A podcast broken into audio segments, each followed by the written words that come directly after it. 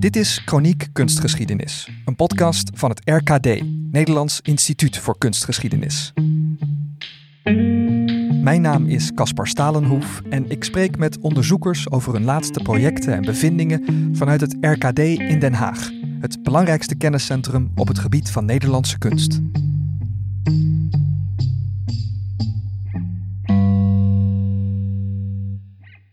140 jaar geleden, in 1881, vond in Den Haag de opening plaats van het Panorama van Scheveningen.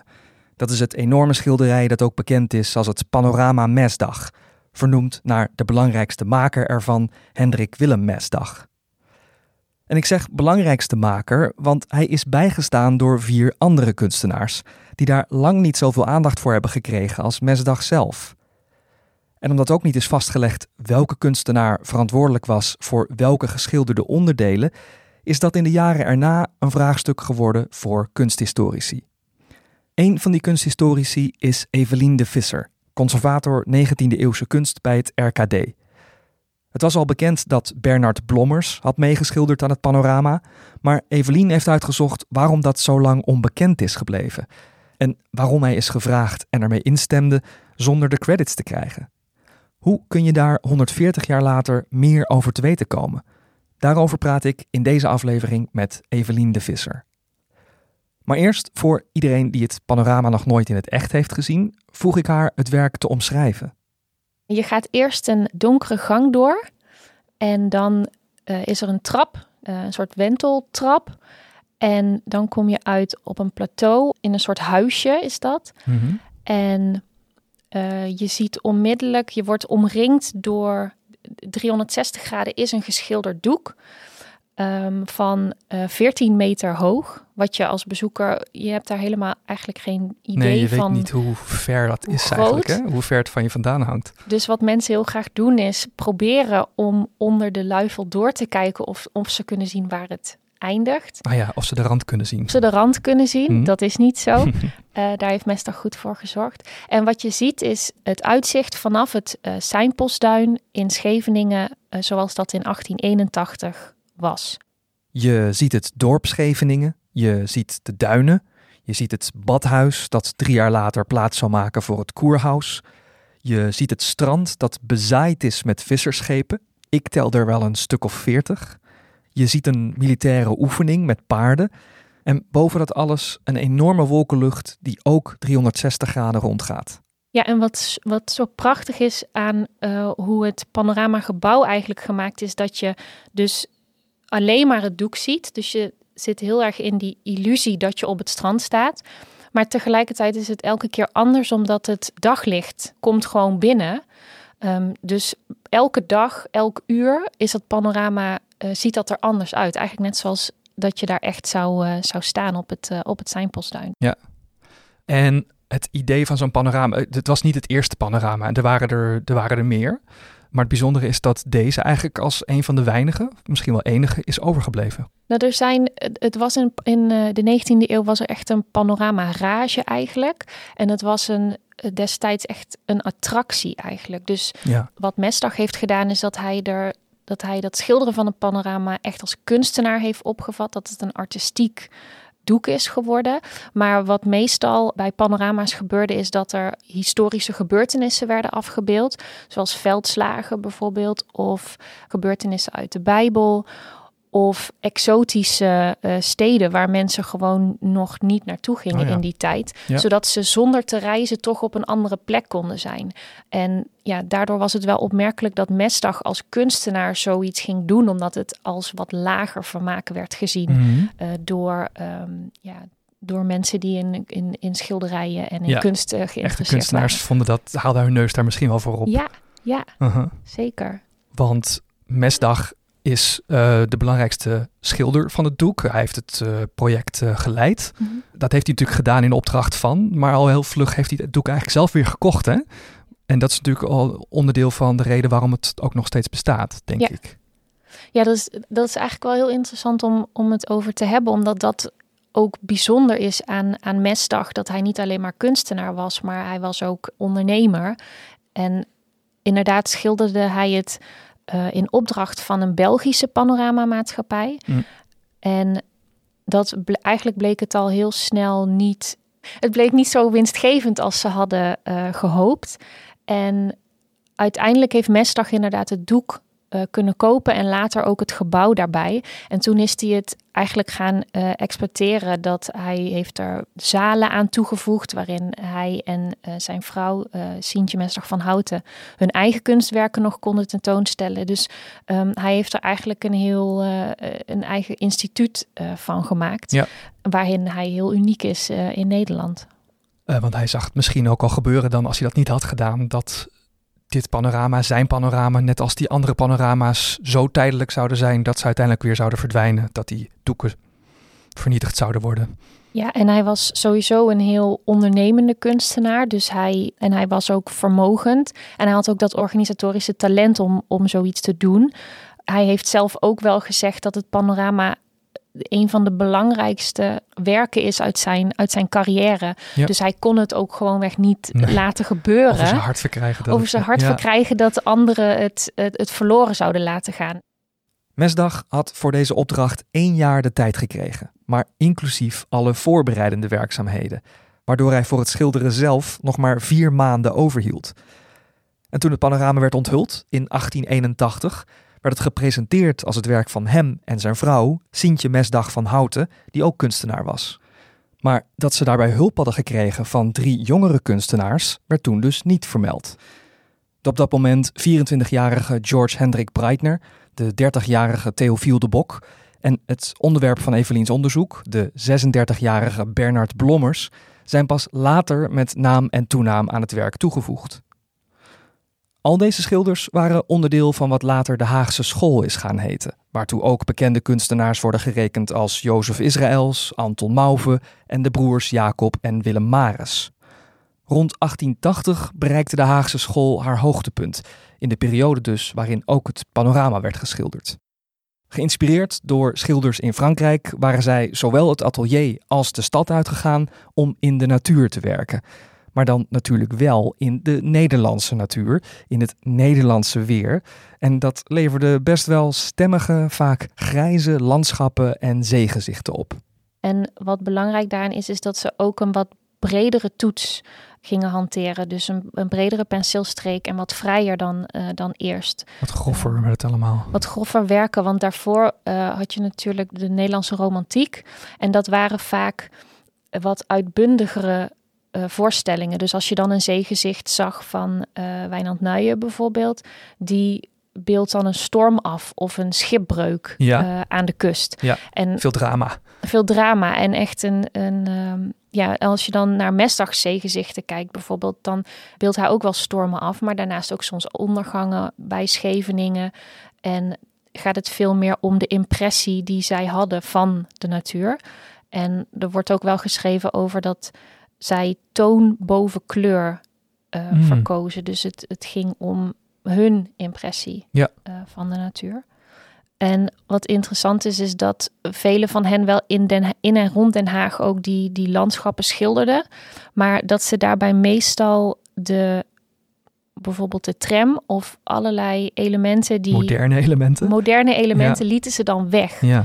Dus het gaat echt om die natuur en om, om luchten ja. meestal ook wat ik heel mooi vind is dat de beetje sappige polderlandschappen mm hebben ze veel geschilderd. En als je in de zomer in de trein zit tussen Den Haag en Leiden, dan zie je de, die, die hele groene weides met sloten en de koeien erin. En dan zie je eigenlijk het ene na het andere uh, Haagse schoolschilderij aan je voorbij uh, komen. En niet alleen vertoont hun schilderwerk onderlinge gelijkenissen, ze kenden elkaar ook en werkten samen in kunstenaarsverenigingen zoals Spulgri en de door hen zelf opgerichte Hollandse tekenmaatschappij. En grof gezegd was er een tweedeling. Aan de ene kant schilders die goed waren in landschappen of zeegezichten, en aan de andere kant in voorstellingen waarin mensfiguren centraal stonden. Bernard Blommers hoort bij die laatste categorie. Ja, en hij heeft aan het begin van zijn carrière vooral uh, interieurs geschilderd, dus vissersinterieurs. Zo heeft hij zijn uh, echtgenote ook ontmoet. Zij was visverkoopster in Scheveningen en zij is te zien op, op een aantal van zijn uh, vroege schilderijen. Mm Dus dat zijn wat donkere vissersinterieurs met, met vrouwen en kinderen. En er wordt ook wel gezegd dat hij uh, vanaf de vroege jaren zeventig, toen zijn eerste dochter werd geboren, dat het toen vooral uh, moeder en kind uh, werd. geïnspireerd door wat hij thuis zag. Ja. En later verbeeldt hij meer de dagelijkse werkzaamheden van de vissersvrouwen in, of het dagelijks leven van vissersvrouwen in Scheveningen, gewoon in, in en rond het dorp eigenlijk. Dus vrouwen die, die de was doen of de was drogen. Of uh, moeders die bij, uh, bij opa op bezoek gaan, bijvoorbeeld. Uh, en dan vanaf de jaren 1880 gaat hij echt meer het strand op en verbeeldt hij de aankomst van de schepen met, met de vangst, bijvoorbeeld. En vrouwen die dat dan uitsorteren op het, op het strand. En tegelijkertijd gaat hij dan ook meer de spelende kinderen in de zee afbeelden. En dat is ook hoe hij wel vaak getypeerd werd van hij belicht het zonnige, uh, de zonnige kant van het vissersleven. Waar andere uh, kunstenaars zoals uh, Jozef Israëls ook wel het zwaarmoedige mm -hmm. Het harde werken en het harde werken. Het gevaarlijke echt, misschien ook wel. Ja, vissers die niet terugkomen. dus vrouwen die, die eindeloos in de duinen op de uitkijk staan of, ja. of, of ze al terugkomen. En bij Blommers is dat allemaal wat, wat lichter. En ik denk dat, dat zijn oeuvre ook heel mooi uh, wordt samengevat in, uh, in de prachtige aquarel die tegenwoordig in het Groninger Museum uh, wordt bewaard van twee spelende kinderen in de. ja, in een ondiepe plas op het strand. die zijn dan met een klein scheepje of een klompje aan het spelen. Dus het wel licht, licht werk wat prettig is om naar te kijken. Ja, ja. En ook het plezier in het werk van die vrouwen ook. Ja. En van die kinderen ook in het, ehm, ja, op het strand, zoals kinderen plezier hebben op het strand. Dat vond hij uh, leuk en daar was hij dus ook goed in om dat weer te geven. Ja, ja en ook de vrouwen die, die heel druk met elkaar in gesprek zijn. En wat heel treffend is, is, is de, de houdingen van de vissersvrouwen. Dus de, de handen in de rug mhm. of ja, een hand op hun hoofd om, om, om, de, om een grote hoed uh, vast te houden. Ja. Dat zijn houdingen die je talloze keren uh, terug ziet komen in zijn werk. En dus ook in het panorama. Zeker. Maar dat nota bene de grootst afgebeelde figuren in het panorama, een vissersvrouw met naast haar een kind van blommers waren, dat was dus lange tijd niet bekend. Sowieso is van alle schildersnamen die we tot nu toe genoemd hebben, Bernard Blommers misschien wel een van de minst bekende, terwijl hij in zijn eigen tijd bepaald niet om aandacht verlegen zat. Als je in Amerikaanse literatuur in de 19e eeuw leest, mhm. dan zijn de grote uh, Mesdag, Jacob Maris, Mauve en Blommers. Die hmm. wordt al heel gauw genoemd. Dus Blommers was commercieel heel succesvol en nog, nog altijd in de kunsthandel en op veilingen verkoopt zijn werk erg goed. Maar ah. kunsthistorici en in musea is hij, wordt er minder aandacht aan hem uh, geschonken. Ja. Ja, want dat is wat misschien ook niet iedereen weet hoe succesvol die Haagse school destijds was. En dan met name ook in de VS, hè? Ja, dat klopt. Vanaf 1880 waren zij ja, daar op veel tentoonstellingen in New York onder andere goed vertegenwoordigd. En er waren ook uh, verzamelaars die vanuit Amerika naar Nederland onder andere kwamen. En uh, Van Blommers is wel bekend dat hij ook naar Amerika ging en dat hij een soort tour heeft gedaan. Mhm. En dat hij toen bij, bij een grote uh, verzamelaar heeft, uh, heeft gelogeerd. En dat hij een, een, uh, een Hollandse molen in, in de tuin had staan, omdat hij zo erg van Nederland oh, hield. Ja. Dus er was in, in die tijd in Amerika echt een, een Holland gekte. Daar is ook een, een mooie publicatie over verschenen. Evelien schreef over Blommers en het panorama voor een andere recent verschenen publicatie, getiteld De Schilders van het Panorama van Scheveningen. Voor haar artikel is ze in verschillende archieven op zoek gegaan naar notities, brieven, artikelen en vergelijkbare kunstwerken van Blommers. En allereerst wilde ze te weten komen sinds wanneer eigenlijk bekend geworden is dat Blommers had bijgedragen aan het panorama, aangezien dat bij de opening in 1881 nog geheim gehouden werd. En de vroegste vermelding die ik uiteindelijk heb kunnen vinden is een krantenartikel van een kunstcriticus. En dat verscheen naar aanleiding van het 50-jarig bestaan van het panorama in 1931. En dat vond ik in um, hier bij het RKD in de collectie persdocumentatie. En in dat soort krantenartikelen staat helaas ja, geen verdere bronvermelding of voetnoot of zo in vermeld. Dus ik had ook nog gehoopt om, om dat te kunnen ondersteunen, die vondst met uh, correspondentie of met archiefmateriaal. Mhm. Maar waarschijnlijk is het door mondelinge overlevering uh, geweest dat familieleden bij het uh, panorama, want 1931 is natuurlijk ja, nog vrij vroeg. Ja. Panorama bestond toen pas 50 jaar. Dus er kunnen best mensen zijn, familieleden van Mestdag, die Mestdag nog gekend hebben en die het op die manier uh, door hebben gegeven. Ja, want maar, Mestdag en ook Blommers waren toen dus al overleden. Ja, zeker. Ja. Ehm, Blommers is in 1914 overleden en ja. Mestdag in 1915. Ja. En allebei hebben ze er uh, nooit iets over uh, gezegd. Uh, maar het was niet zozeer dat, dat toen ik dat krantenartikel vond, dat dat in één keer een, een vondst was die alles uh, voor mij een ander perspectief zet. Mm. Omdat het, ja, je bent continu eigenlijk aan het zoeken. Dus zelfs ook bij het schrijven nog probeer je uh, nog meer te vinden of een nog eerdere verwijzing mm -hmm. ja, om, om zo compleet mogelijk te zijn. Ja, kunsthistorici zijn ergens nooit helemaal tevreden. Want elke vondst levert juist weer vaak nieuwe vragen op. Dus als er dan onderzoek wordt gepubliceerd, is het vaak met enige voorzichtigheid. Ja, vooralsnog heb ik, uh, zijn er weinig uh, schetsboeken van hem bekend.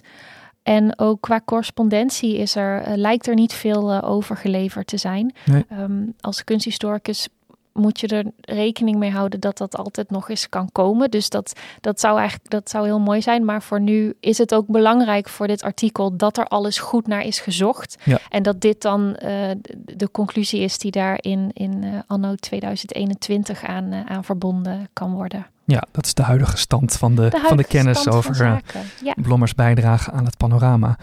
Um, maar dan ga je natuurlijk wel op zoek naar andere bronnen of andere dingen om dan te kunnen verklaren misschien wel waarom het zo mysterieus is gebleven. Of waarom dus uh, zowel Mesdag als Blommers als anderen in die, in die groep of niemand in die tijd dus Blommers bijdragen. Maar het geldt natuurlijk ook voor uh, De Bok en, en Breitner. Maar we hebben het nu even speciaal. Jij bent speciaal op zoek geweest naar, uh, naar Blommers. Waarom dat um, nooit vermeld is. Wat kan je dan nog doen? Omdat, wat zijn voor jou dan ja, mogelijke verklaringen? Ik heb dat eigenlijk afgeleid door ook motieven weg te strepen. Hmm. Dus ik dacht als je als je kunstenaar bent, als je, als je blommers bent en je bent 36 en gezien de carrière die hij op dat moment had, mhm. dus hij, had, hij deed al goede zaken, uh, had uh, connecties met, uh, met kunsthandelaren, hij had een stevig netwerk al. Waarom zou je dan meedoen? Nou, voor De Bok en voor Breitner, dat waren beginnende kunstenaars, dus ik kon me voor hen, kun je je voorstellen dat zij dat deden voor netwerk. Om, het was belangrijk om een, een goede band met Mesdag te hebben. Ja, want Mesdag had een enorm netwerk. Die uh, ondernemende kunstenaar, die zat goed, uh, die had veel connecties in Den Haag en landelijk misschien wel. Precies, dus je wilde hem liever uh, voor dan tegen je hebben. Ja. En natuurlijk ook wat bij Breitner, wat in het boek vermeld staat, is dat Breitner altijd ook wel zijn financiële positie precair was. Mhm. Dus hij had eigenlijk altijd geld tekort. Um, dus voor hem was die betaling aan het, uh, voor zijn bijdrage aan het panorama was heel belangrijk. Mm Nou, Blommers die had uh, in, juist in deze periode liet hij een villa bouwen in uh, het Van Stolkpark, dus op de weg naar Scheveningen. Mm -hmm. Dus nou, geld speelde voor Blommers waarschijnlijk Blijkbaar geen waarschijnlijk rol. geen rol, nee, ja. Kortom, de redenen die de 24-jarige Breitner en de 30-jarige De Bok hadden om mee te werken, golden niet voor de 36-jarige Blommers. Wat dan steeds aannemelijker wordt als mogelijke verklaring, is dat Mesdag en Blommers zo close waren dat Blommers zijn figuren in het panorama heeft gezet als vriendendienst dat leek mij ook de meest logische verklaring. Maar ik heb wel uh, gekeken of ik daar uh, wat, uh, wat bronnen aan kon verbinden. En, en wel, wat voor feiten er dan waren. Waardoor we weten dat zij zo goed bevriend waren dat Blommers dit voor Mesdag zou hebben gedaan. Ja ja, dan ga je wat meer op het privéterrein zitten. En dat is lastig omdat uh, Blommers en Mesdag dus vlak bij elkaar uh, woonden. Dus uh, Mesdag woonde aan de Laan van Meerdervoort in Den Haag, zo tegen Scheveningen aan. En, mm en Blommers woonde op weg naar Scheveningen, dus echt heel vlak bij elkaar. En ze uh, zaten samen, omdat ze allebei lid waren van de Haagse school, waren zij samen, uh, zaten zij in het bestuur en waren zij oprichters van uh, de Hollandse tekenmaatschappij. En ze waren samen bij Pulgi Studio natuurlijk actief. En ook was al bekend dat Mesdag bij het huwelijk van Blommers getuige, een van de getuigen was geweest.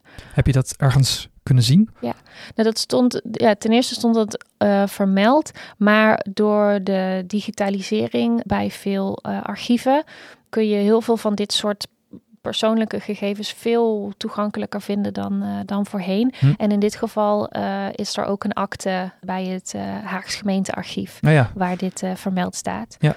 Op die manier heb je, ja, kun je dat wel allemaal veel makkelijker nagaan dan, dan vroeger. Ja, en um, Van Bestdag was ook bekend dat hij veel kunst kocht, bezat. En daar zaten dus ook werken van Blommers bij. En dat is natuurlijk ook een aanwijzing voor. Nou, niet, nou, dat is niet direct een aanwijzing voor vriendschap natuurlijk. Nee, nee, maar het is wel opvallend als je met dat oog gaat kijken dat um, uh, Blommers heeft bijgedragen aan het panorama. Om dan te kijken naar het moment van uh, verwerving door Mesdag van de schilderijen die hij had. En eigenlijk zijn alle schilderijen en aquarellen die hij had van voor de totstandkoming van het panorama of mm -hmm. kort daarna. Mm -hmm. En wat ook opvallend is aan de wijze van aankoop van Mesdag is dat hij maar dat we maar van enkele kunstwerken weten hoe hij die heeft gekocht. Dus een aantal uh, komen bij een Haagse uh, kunsthandel uh, vandaan. Maar van de meeste is, er, ja, is het niet bekend. En ja, dat wijst dan toch ook wel meer weer in de richting van dat informele circuit. Dat ze elkaar kunstwerken cadeau gaven of ruilden. Ja, of, precies. Uh, ja, dat het niet via de officiële weg bij, bij Mesdag uh, terecht kwam. En ook de aard natuurlijk van, van de kunstwerken die Mesdag had. Het is bekend dat Blommers van zijn kinderen portretten schilderde toen ze nog uh, klein waren. En die hingen in zijn salon, in zijn woonhuis. En daar vertelde Blommers ook graag over in interviews. Dat die absoluut niet uh, te koop waren. En dat Amerikanen uh, ze graag uh, kochten. Maar mm -hmm. ja, dat dat onder geen beding mogelijk was. Maar Mesdag had wel een aantal kinderportretten in, in zijn verzameling. En die zijn nu nog steeds in, in de Mesdag collectie te zien. En als je als kunsthistoricus de vriendschap wil bewijzen tussen twee kunstenaars dan is hun fysieke nabijheid de verklaring voor het feit dat er in de archieven juist geen brieven te vinden zijn. In zo'n situatie hoef je geen brieven te schrijven. Behalve natuurlijk als iemand een verre reis maakt. En dat gebeurde een aantal jaar later, in 1904, toen Blommers aan Mesdag schreef vanuit de VS over de wereldtentoonstelling in St. Louis in de staat Missouri, maar ook hun werk te zien was. En Blommer schreef toen in die brief uh, aan, uh, aan Mesdag en uh, aan Sientje Mesdag van Houten bracht hij toen verslag uit van die tentoonstelling, omdat Mesdag alle inzendingen regelde namens Nederland voor die internationale tentoonstelling. Ja. En dat is eigenlijk een van de weinige, of misschien wel de enige brief die, die we tot nu toe tussen hen kennen. Ja. Dus dat was heel, een hele mooie vondst. Uh, uh, en die brief bevindt zich nog steeds in het archief van Panorama Mesdag. Ja, en daaruit blijkt ook aan wat hij schrijft of de toon van die brief uh, dat ze vrienden waren. Ja, dus het gaat ook wel meer over. Het is een, het is een aardige lange brief. Het gaat heel erg over natuurlijk de inrichting van de tentoonstelling en hele praktische zaken zoals ja. verlichting en hoe ver ze nu waren met het inrichten. Maar daarnaast was het voor Blommers het bezoek aan Amerika ook een persoonlijk bezoek, omdat zijn uh, zoon, uh, die ook kunstenaar was, Bart, uh, die woonde daar en die zou binnenkort gaan verhuizen voor een nieuwe baan. En um, dus ze zouden hem dan voor het laatst zien, want zijn vrouw, Blommers vrouw, ging mee op die reis. En daar brengt hij ook allemaal heel uitgebreid verslag van uit aan Mesdag. Dus dat geeft ook maar weer aan dat, dat ze wel op de, op de hoogte waren van het wel en wee van, van zijn zoon. Je probeert al snel in de hoofden te kijken van Mesdag en Blommers, maar dan betreed je natuurlijk wel het terrein van speculatie. Je kunt je voorstellen dat Mesdag voor het panorama, voor die groot afgebeelde vissersvrouw en kind, moest denken aan zijn vriend Blommers, die zo vaak dat soort figuren had geschilderd. In de schetsen van Mesdag stonden op die plek in het panorama al wel twee figuren, maar met zo weinig detail dat Blommers werd gevraagd om die in te vullen. En als hij er dan toch was, vond hij het misschien gewoon leuk om een aantal extra mensfiguurtjes neer te zetten op het strand en in het dorp.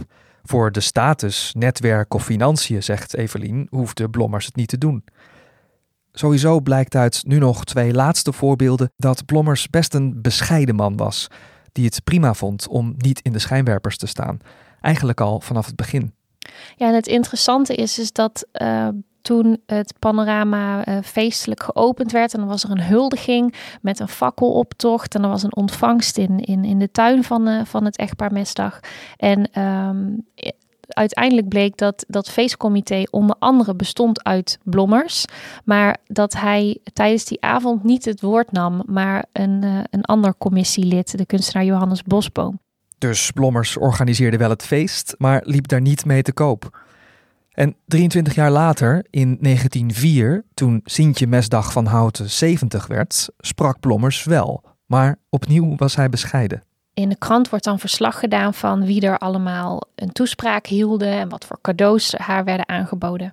En uh, in het verslag staat dan vermeld: toen stond Blommers op. Hij was, verklaarde hij, wel geen groot redenaar, maar toch was het hem een eer als voorzitter van het feestcomité het eerst te mogen spreken. Ja. En van de Bok uh, is bekend geworden dat hij het moeilijk vond dat Mesdag zo erg op de voorgrond trad met dat het zijn werk was. Maar van Blommers weten we dat niet. Maar je kunt je ook afvragen in hoeverre hij, nou ja, als je dit soort dingen leest, van in hoeverre was hij ook geïnteresseerd om zich daar heel erg op te laten voorstaan. Vandaar de titel van Evelien's artikel Uit Vriendschap. Het is te lezen in het boek De Schilders van het Panorama van Scheveningen, een uitgave van Museum Panorama Mesdag en Scriptum Art. Mijn naam is Caspar Stalenhoef. Fijn dat je luisterde. Meer informatie over deze podcastserie kun je vinden op www.rkd.nl.